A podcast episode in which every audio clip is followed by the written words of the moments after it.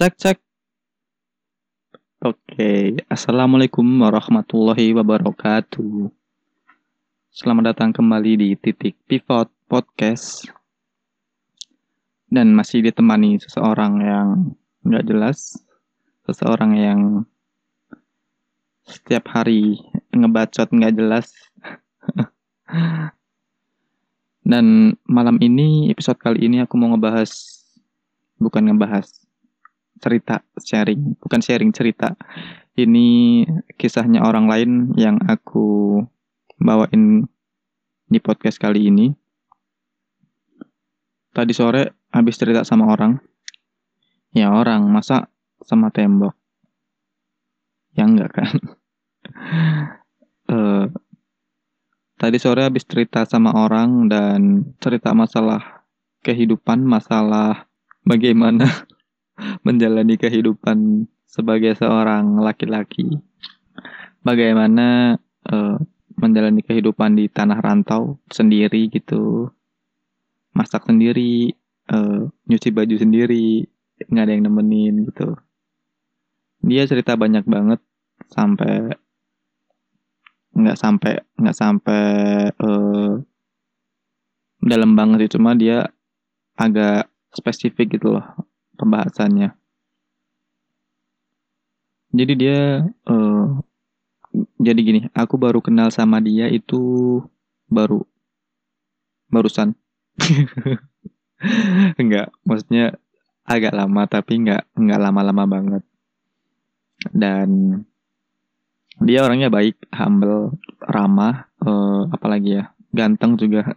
Ya kalau dipandang nggak nggak bosinin lah, nggak ngebosenin lah. Orangnya manis, orang Sunda, dan pekerja keras sih kalau menurutku. Jadi pembicaraan kita tadi tuh banyak banget yang dibicarain sih. Cuman yang lebih intens itu tentang pekerjaan, tentang kehidupan di tanah rantau gitu. Singkat cerita, uh, aku mencoba ngebuka pembicaraan sama dia. Ya, ngobrol-ngobrol tipis dulu gitu, tanya dari mana rumahnya? Eh bukan dari mana rumahnya. Tanya bisnisnya ini gimana jualannya ini gimana sistemnya gimana. Ya santai lah yang tipis-tipis gitu. Sampai satu titik dia cerita masalah pekerjaan dia. By the way dia uh, di Jogja udah lama banget. Dia umurnya 32 tahun jadi dia kayaknya lulusan SMP doang sih. Jadi setelah lulus SMP dia langsung ke Jogja gitu. Sama saudaranya. Dia kayaknya pertama kali kerja itu sama saudaranya. Dan kerjaannya apa nggak tahu juga sih. Uh, nggak tanya sampai sedetil itu sih. Cuman yang dia bilang dia SMP udah ke Jogja gitu. Dan waktu di Jogja itu dia ngalamin banyak banget di kaliku kehidupan ya. Namanya perantau kan pasti juga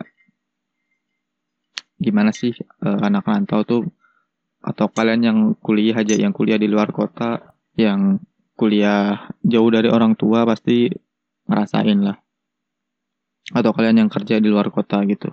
Uh, kehidupannya penuh perjuangan banget penuh dikalikunya naik turunnya dia cerita banyak.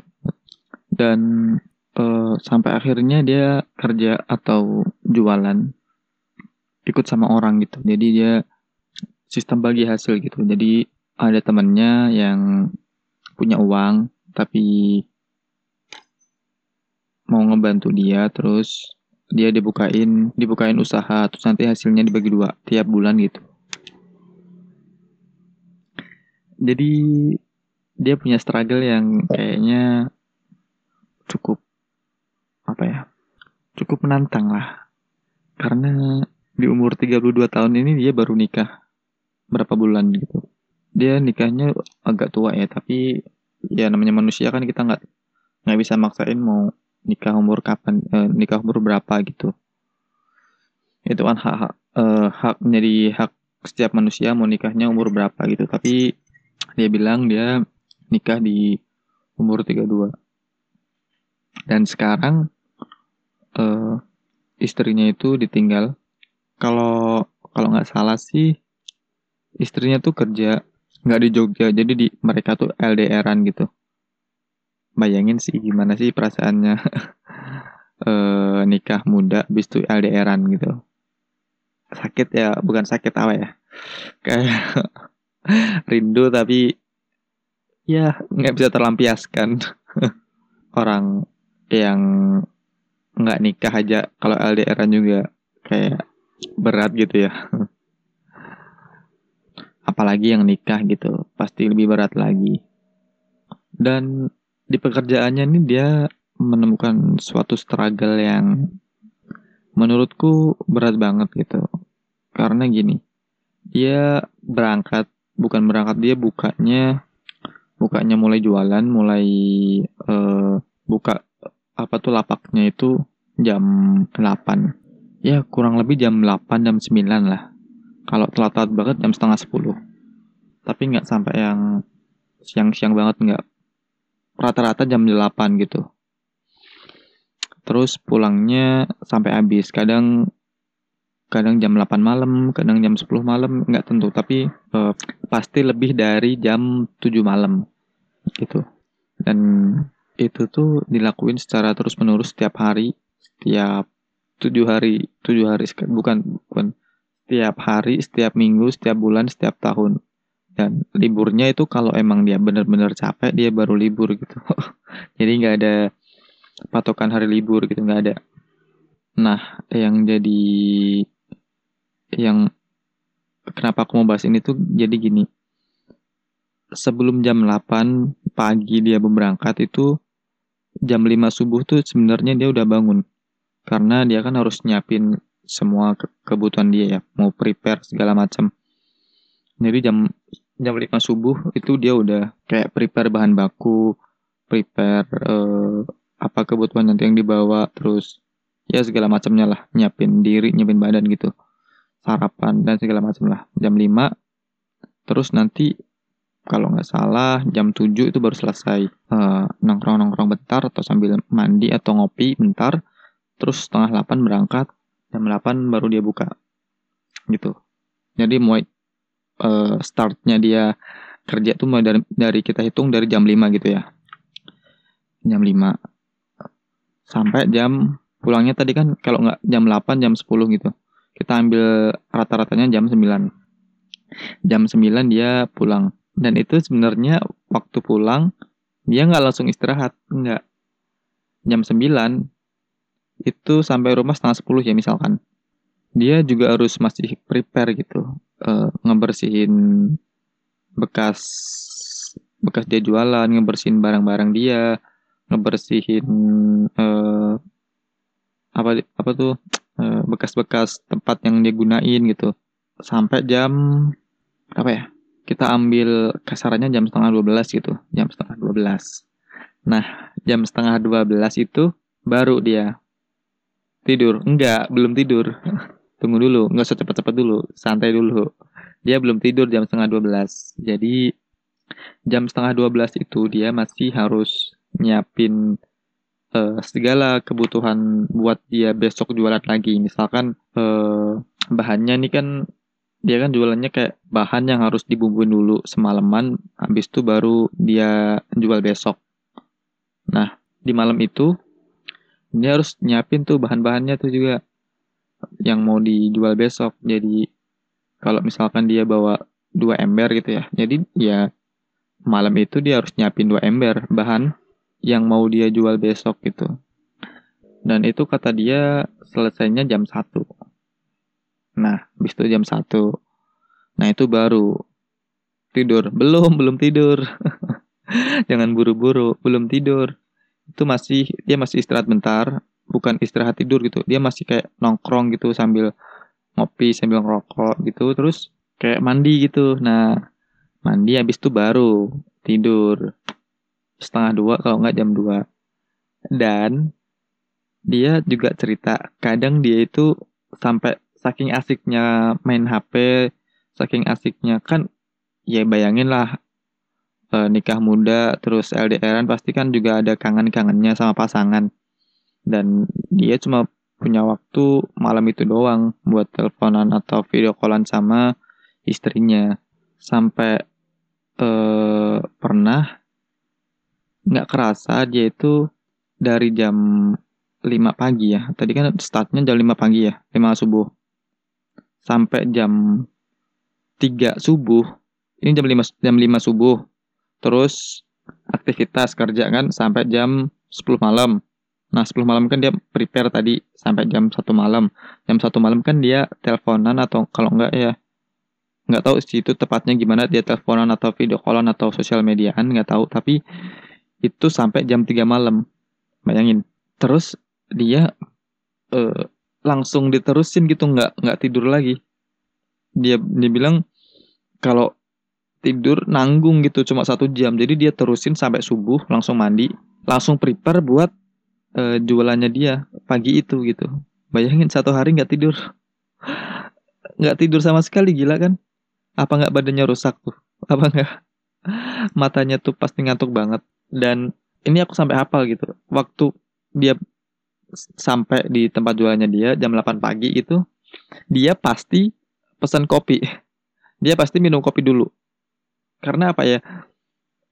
Karena emang jam tidurnya tuh sedikit banget jam tidurnya tuh bayangin deh jam satu kita ambil paling uh, paling gampangnya deh eh paling gampangnya aja deh kalau dia nggak nggak ada aktivitas lain gitu jam satu dia langsung tidur terus jam 5 bangun jadi jam berapa satu dua tiga empat lima empat jam dia tidur satu hari itu empat jam jadi kalau tujuh hari itu 28 jam doang dia tidur jadi bisa di kalkulasiin jadi gini. Satu minggu kan tujuh hari. Tujuh hari itu dia tidurnya cuma satu hari dua jam. Bayangin tuh, tujuh hari kerja, dia tidurnya satu hari dua jam. Kayak gini, enam hari kerja, satu hari full istirahat, nggak bangun. Kayak gitu, enam hari kerja full nonstop 24 jam, satu hari uh, tidur nggak bangun-bangun. Kalau dimisalkan kayak gitu itu. Jadi uh, kesimpulan apa yang mau aku ambil waktu waktu aku ngedengerin ceritain dari dia langsung dari uh, mulut dia langsung aku langsung kayak bersyukur banget gitu masih punya banyak waktu buat tidur masih punya banyak waktu buat uh, ibadah masih punya banyak waktu buat melakukan hal-hal yang menurut aku itu passion aku gitu itu hobi aku gitu sedangkan dia udah punya istri, udah punya tanggungan, jarang tidur, nggak punya waktu buat me time, nggak punya waktu buat hangout, nggak punya waktu buat jalan-jalan, traveling, dan dia masih bersyukur. Sedangkan aku punya sekian banyak waktu buat uh, istirahat, sekian banyak punya sekian banyak waktu buat belajar, masih suka ngeluh gitu. Kebanyakan kita kayak gitu nggak sih? nggak tahu kalian ya tapi kalau aku aku ngerasa tuh masih sering banget kalau nggak bersyukur gitu sering banget nggak bersyukur sama waktu yang udah Allah beriin sama kita gitu itu tuh aku langsung kayak dek gitu. Kayak gimana ya? Kayak langsung nusuk gitu di hati. Orang ini lo nggak uh, dia ini lo nggak nggak punya banyak waktu nggak punya uh, nggak punya banyak waktu buat keluarga, nggak punya banyak waktu buat dirinya sendiri, masih santai gitu, masih uh, apa ya, nggak nggak ngeluh gitu, nggak nggak nggak menyalahkan keadaan gitu. Sedangkan aku yang punya banyak waktu, kita yang punya banyak waktu, kita yang sering rebahan, kita yang sering uh, nongkrong nggak jelas, kita yang sering apalagi mungkin melakukan hal-hal yang nggak manfaat nggak bermanfaat masih ngeluh gitu. Nggak malu sama sama orang-orang kayak gini gitu. Kadang juga buat kalian nih yang masih kuliah yang masih sekolah gitu terus kalian jauh dari dari orang tua atau masih sama orang tua terus kalian tuh suka males-malesan gitu suka kerjaannya rebahan mulu, kerjaannya tidur mulu, kerjaannya main HP mulu gitu. Apa kalian nggak mikirin orang tua kalian gitu? Apa kalian nggak mikirin uh, gimana orang tua kalian tuh nyari duit buat kalian? Orang tua kalian itu uh, melakukan hal yang terbaik buat kalian. Apa kalian nggak mikir sampai situ? Terus kalian seenaknya sendiri nongkrong nggak jelas, ngelakuin hal yang nggak jelas, yang nyakitin hati orang tua kalian gitu. ini sih kayak bukan aku ngajarin atau gimana ya, tapi ini juga uh, jadi renungan juga buat aku gitu. Supaya aku juga bisa memanfaat, memanfa, memanfaatkan waktu sebaik-baiknya. Memanfaatkan waktu dengan dengan memanfaatkan waktu dengan sesuatu hal yang positif gitu. Jadi buat kalian yang masih sering lakuin hal nggak jelas, nongkrong nongkrong nggak jelas, ngumpul ngumpul nggak jelas atau ya ngelakuin hal nggak yang nggak yang nggak bermanfaat lah, ya mulai dikurang kurangin gitu, mulai mulai di mulai direm lah. Uh, kalian juga udah gede, mungkin yang ngedengerin podcast ini juga orangnya udah balik semua lah. Aku pikir udah balik semua lah. Udah lewat masa balik lah. Kalian harusnya udah bisa mikir. Udah bisa bedain mana yang baik buat kalian, mana yang nggak baik buat kalian, mana yang bisa bermanfaat buat kalian, mana yang enggak gitu. Harusnya tuh kalian udah mikir sampai ke situ gitu. Bukan kerjaannya cuma main doang, kerjaannya cuma hambur-hamburin uang yang dikasih orang tua kalian. Kerjaannya cuman apa? Hmm, ya melakukan hal-hal yang eh, nggak uh, bermanfaat dan ngebuang duit gitu. Ngebuang-buang duit. Ini bukan ngajarin atau gimana, tapi ini lebih ke uh, apa ya? Nasihat buat diri sendiri gitu.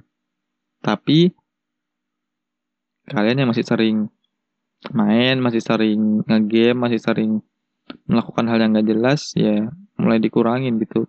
Karena kalian udah bukan anak kecil lagi, kalian bu bukan kalian udah bukan eh, anak-anak uh, lagi, kalian udah dewasa, kalian udah udah cukup umurnya buat ngebedain mana yang baik, mana yang buruk. Kalau kalau anak-anak sih masih wajar gitu. Apa yang dia lihat jadi mainan, apa yang dia lihat jadi sebuah candaan apa yang dia lihat itu bisa membuat dia bahagia. Jingkrak-jingkrak lari-lari salto-salto itu buat anak-anak senang. Beda sama orang dewasa. Orang dewasa itu nggak bisa. Kalau disuruh jingkrak-jingkrak terus salto-salto terus apalagi ya pokoknya yang mainan anak-anak itu ngebuat mereka jadi senang gitu. Ya nggak bisa. Harusnya orang yang udah dewasa, orang yang udah berumur itu ya eh mikirnya udah bukan kayak gitu lagi, mikirnya ya gimana caranya dia bisa bermanfaat buat orang lain, bisa bermanfaat buat diri dia sendiri, bisa sukses mungkin, bisa mengejar cita-citanya mungkin. Harusnya kan anak muda kayak gitu. Orang yang udah dewasa tuh kayak gitu. Bukan kayak anak-anak lagi yang ada dalam pikirannya tuh semua isinya game. Semua isinya permainan. Nggak gitu juga kan. Jadi buat kita yang udah dewasa, buat kita yang udah balik, yang udah bisa mikir, mulai dikurangin, uh, melakukan hal yang nggak baik, melakukan hal yang kurang bermanfaat, yang kurang uh, ada apa ya kebermanfaatan buat kita lah minimal dikurang-kurangin karena waktu kita tuh nggak banyak waktu kita tuh juga terbatas jadi dimanfaatkan waktu sebaik-baiknya. Itu. Udah itu doang yang mau aku ceritain, yang mau aku ceritain dari kisah seseorang ini. Yang nggak perlu aku sebutin namanya ya. Ini jadi privasi dia gitu. Intinya semoga kalian bisa ngambil pelajaran dari cerita ini. Bisa ngambil pelajaran dari kisah uh, seseorang ini. Sekian dari titik titik pivot podcast kali ini. Kalau konten ini, podcast ini bermanfaat buat kalian, bermanfaat buat kehidupan kalian atau punya dampak itu bisa di-share, bisa di-like juga. Yang mau follow Instagram juga bisa di @ramadhanimataru. Di YouTube juga ada. Channelnya juga namanya Ramadhani Matarudiwanda. Kalian bisa subscribe, bisa like, bisa share semua konten-konten di situ. Karena uh, subscribe sekalian, like kalian, terus ya hal-hal positif dari kalian tuh bisa ngebuat kita kita nih uh, para konten kreator jadi lebih semangat lagi gitu apalagi yang kontennya positif ya kontennya yang nggak receh-receh gitu maksudnya kontennya yang ada manfaatnya walaupun dikit ya supaya buat kita jadi lebih semangat lagi kalau misalkan kalian komennya komen toksik terus cuma bisa ngerendahin orang cuma bisa ngebully orang ya konten-konten yang nggak bermanfaat itu yang bakalan trending topik terus di semua sosial media. Oke, sekian dari kita. Sekian dari titik pivot podcast kali ini. Kalau ada salah mau dimaafkan. Kalau ada benarnya itu dari Allah dan Rasulnya. Sekian. Selamat malam, karena ini malam. Selamat bermimpi indah. Assalamualaikum warahmatullahi wabarakatuh.